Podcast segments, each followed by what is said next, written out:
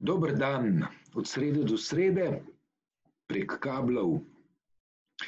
V glasilu, ki ga ne bova imenovala, je ta teden išla, išel zapis, ki pravi, citiram približno, ne, da je virus neke vrste božje delo, ki bo prinesel očiščenje, in uh, pri tem očiščenju bo uh, najbolj naklonjen beli rasi. Uh, če tudi se v uredništvu glasila, ki ga ne bova imenovala, sklicujejo na to, da gre za gloso, ne, uh, bi jaz rekel, da smo s tem uh, prestopili Rubikon in prišli v fazo nekega uh, globoko, globoko barbarskega govora. Uh, kako je tebe dočakala to, uh, ta objava? Ja, najprej uh, me je ta objava posredno pač doletela, ko so me na, na njo upozorili prijatelji, oziroma pač, uh, tisti, ki so to prebrali. Jaz pa, pač v časopisu, ki ga ne bomo omenili, člankov ne berem. Ne.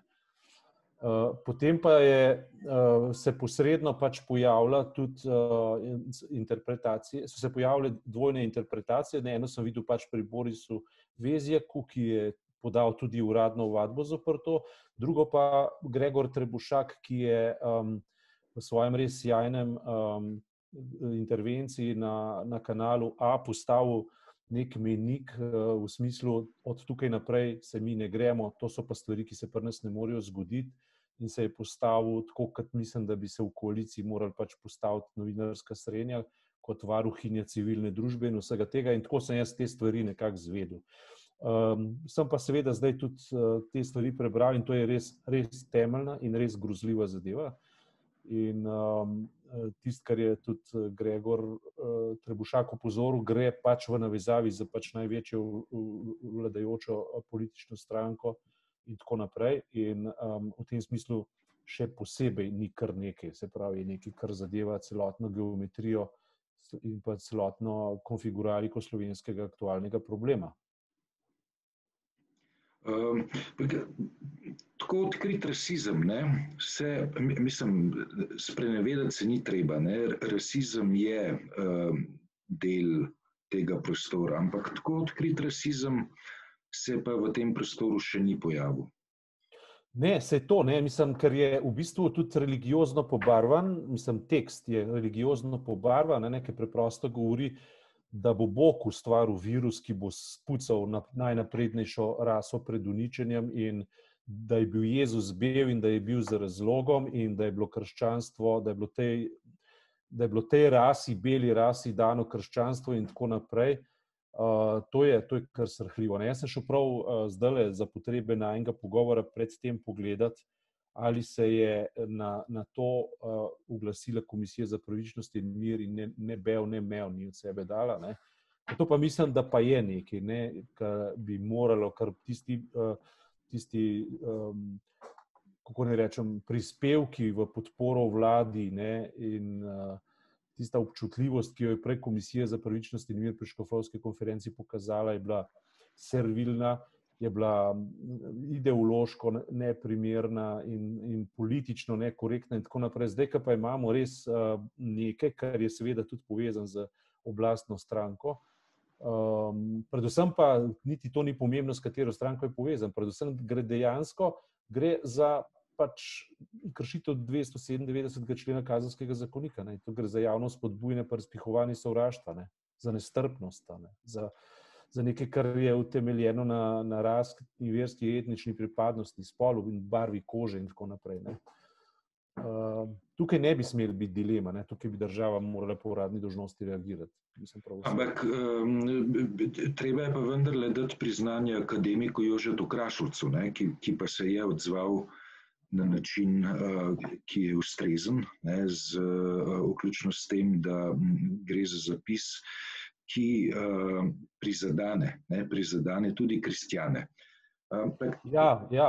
Lej, jaz nisem tega prebral, obljubim, da bom, ampak če to, če to, če, če to pač držim v dan klobok dol in izražam vse komplimente. In to tudi, kar je, kar je uh, povedal kolega uh, Grega Trebušak. Ne, uh, Veš, on je povedal ne samo kot, kot državljan, ne samo kot novinar, tudi kot kristjan. Jaz osebno se tudi imam za kristjane in to mene žali. Ne. Dejansko me žali, zato ker krščanstvo pač razumem kot toleranco, razumem kot, kot to, da spoštujemo drugače misleče, da se, da se spoštujemo med sabo drugače misleče. Ne samo to, da se spoštujemo, da smo lahko prijatelji, uh, skratka, da uveljavljamo neke temeljne civilizacijske vrednote, da smo lahko v moderni državi, da lahko ljudje različnih prepričanj sobivajo, da lahko ljudje različnih spolnih orientacij sobivajo, da to ljudje različnih barve kože sobivajo, na, nacionalnosti in podobne stvari. To so temeljne vrednote, ki jih jaz osebno prepoznavam in se osebno počutim užaljen, ga ne govorim zato, da o sebi nekaj povem.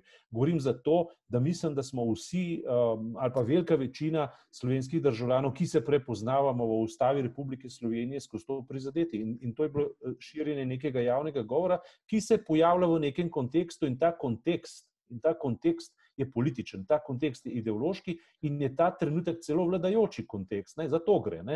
Veš, in, to, in to, tisto, veš, iz, to je spet ene sorte teorije šoka, ki hoče izkoristiti uh, pandemijo COVID za to, da um, poriva uh, meje, ki, ki jih prej, pač, ali pa da premika meje, ki jih prej ni bilo uh, tako hitro, tako hiter in tako učinkovit način mogoče premikati. Lej, to se dogaja v trenutku, ko imamo pa v resnici epidemiološko katastrofo. Ne? Um, spominjam se nekih ambicij izrečenih v prihodnosti, ne, da, v preteklosti, uh, da Slovenija ne bo nikdar največja, najmočnejša, lahko je pa najboljša. Zgodilo se je to, da je um, že nekaj tednov po številu umrljivih na milijon prebivalcev najslabše na svetu.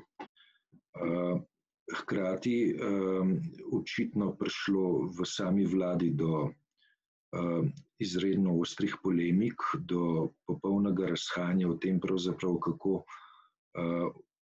epidemijo, soočenje z epidemijo peljati v naslednjih korakih ni prišlo samo do ukritega spora med ministrom za gospodarstvo in ministrom za, za zdravje v vladi, pač pa je prišlo tudi do um, razhajanj um, v vladni svetovalni skupini, kar je pripeljalo do um,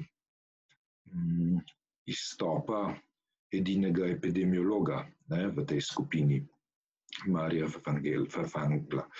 Uh, Medtem med pa uh, se uveljavlja, kot ste rekel, ta doktrina šoka, ne, širjenje uh, rasističnih idej in uh, ucepljanje teh rasističnih idej v situacijo neke nove normalnosti. Hmm. Ministr Počivalšek poziva k temu, da se ukrepe redefinira, da se strategijo boja proti COVID-u redefinira. Um, kot ti gledaš na to? Ja, tako kot si povedal, kot ti gledaš, mislim pa, da bi morala tukaj pokazati, kako bi rekli Avstrijci, fingerspitzgefühl, ne? se pravi, nek občutek na koncu prsta, ker se mi zdi, da je problem večplasten. In sicer pač v tem smislu, da po eni strani je res, da je ideološka pozicija zdajšnjega predsednika vlade in pa določenega dela vlade za to, da teorijo šoka pač uveljavi in da poskuša izkoristiti, tako kot smo včasih v vojski rekli, gužvo. Ne? Zato, da naredi tisto, kar je za narediti na hiter in manj vidno. To je ena plat medalje. V gospodarstvu je pa podobno. Ne? Na eni strani imaš um, lobijske aspiracije, ki bi radi v veliko megle porinili naprej stvari, ki ki jih prej pač ali niso mogli, ali pa niso šle na tak ali drugačen način. Ampak to je ena plat medalje. Druga plat medalje pa treba pogledati, ali je veš, ta um, avtentičen uh, strah in pa um, zauzemanje gospodarstva za to, da, se, da, se, da enostavno gospodarski sistem ne obstane, da vse skupaj ne propade, ne? ker epidemi, epidemiologi imajo zelo jasno in logično sliko. Mi lahko virus ustavimo samo tako, da tako rekoč ustavimo državo in preprečimo virusu, da, bo, da bo preskakoval iz človeka na človeka. Ne? Na drugi strani imamo pa gospodarstvo, ki pravi, naredili bomo nepopravljivo škodo. Ne? Se pravi, temeljno vprašanje je, ali tukaj možen kompromis med tema dvema stvarnostma. Um, in seveda tukaj si jaz težko odločim, težko, uh, seveda bolj verjamem uh, stroki, uh, pač epidemiološki stroki, definitivno. Ne?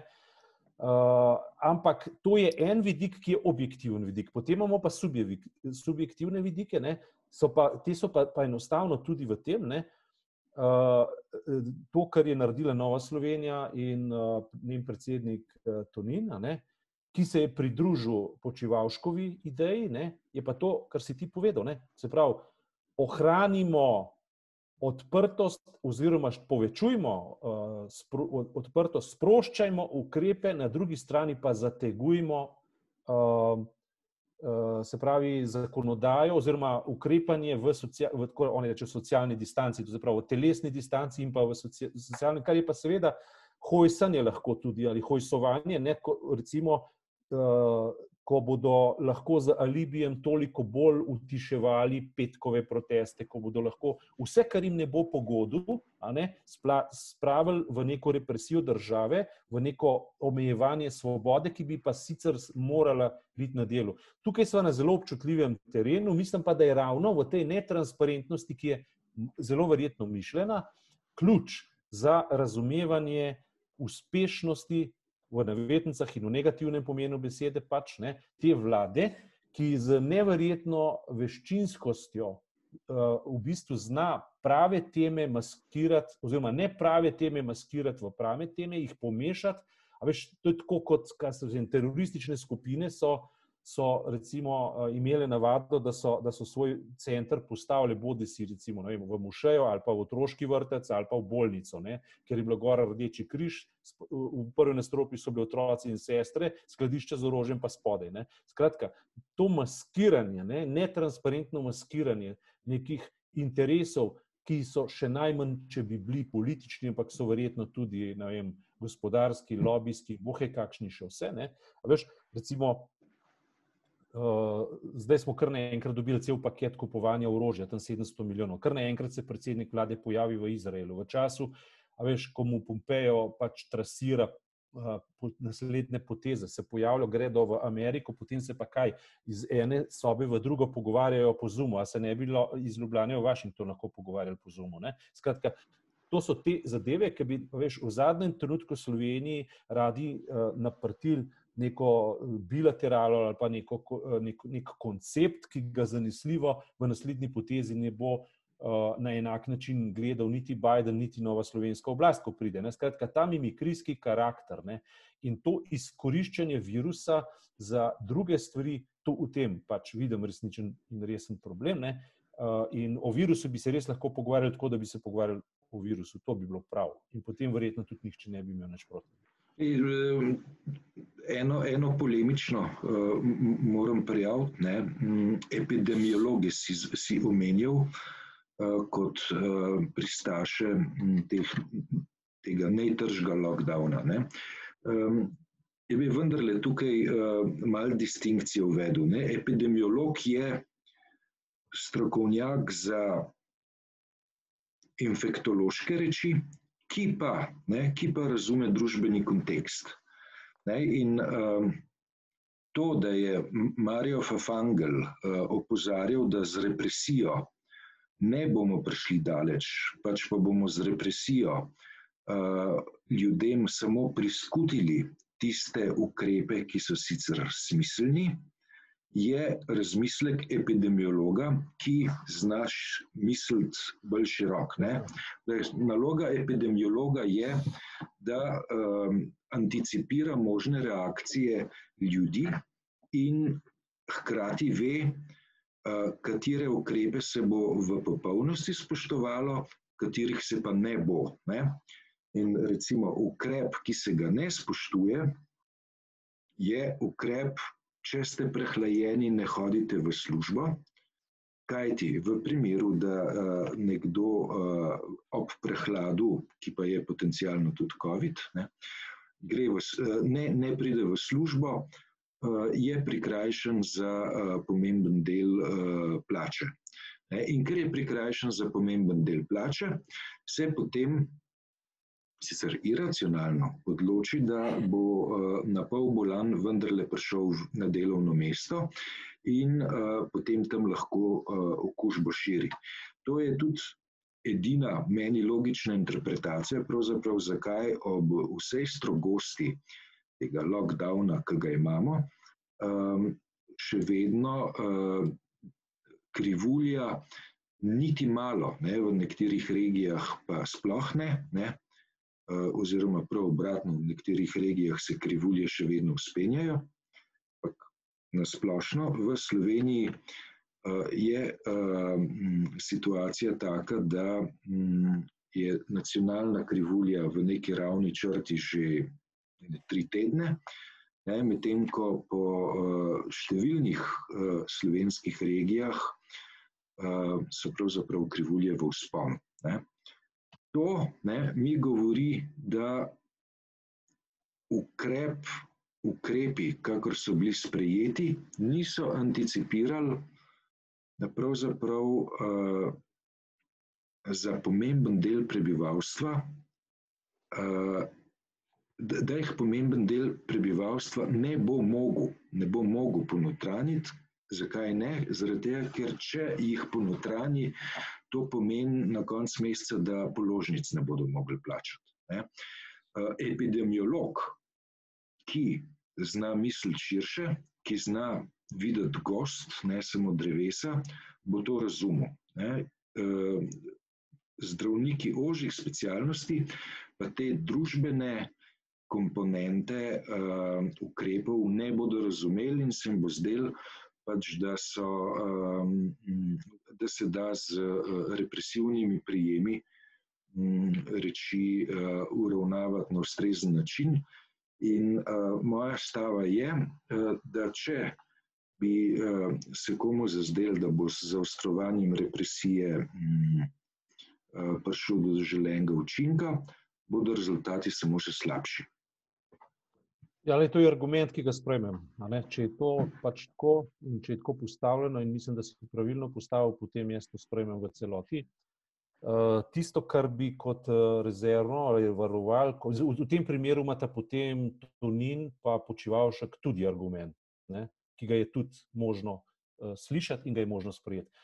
Ampak um, vsem bi pa iz previdnosti uh, dal v enačbo še um, še nek dodaten možen vidik, ki, ki ga je minister Gantar uh, potencialno uporabil. Potencialno govorim, ne trdim, da ga je.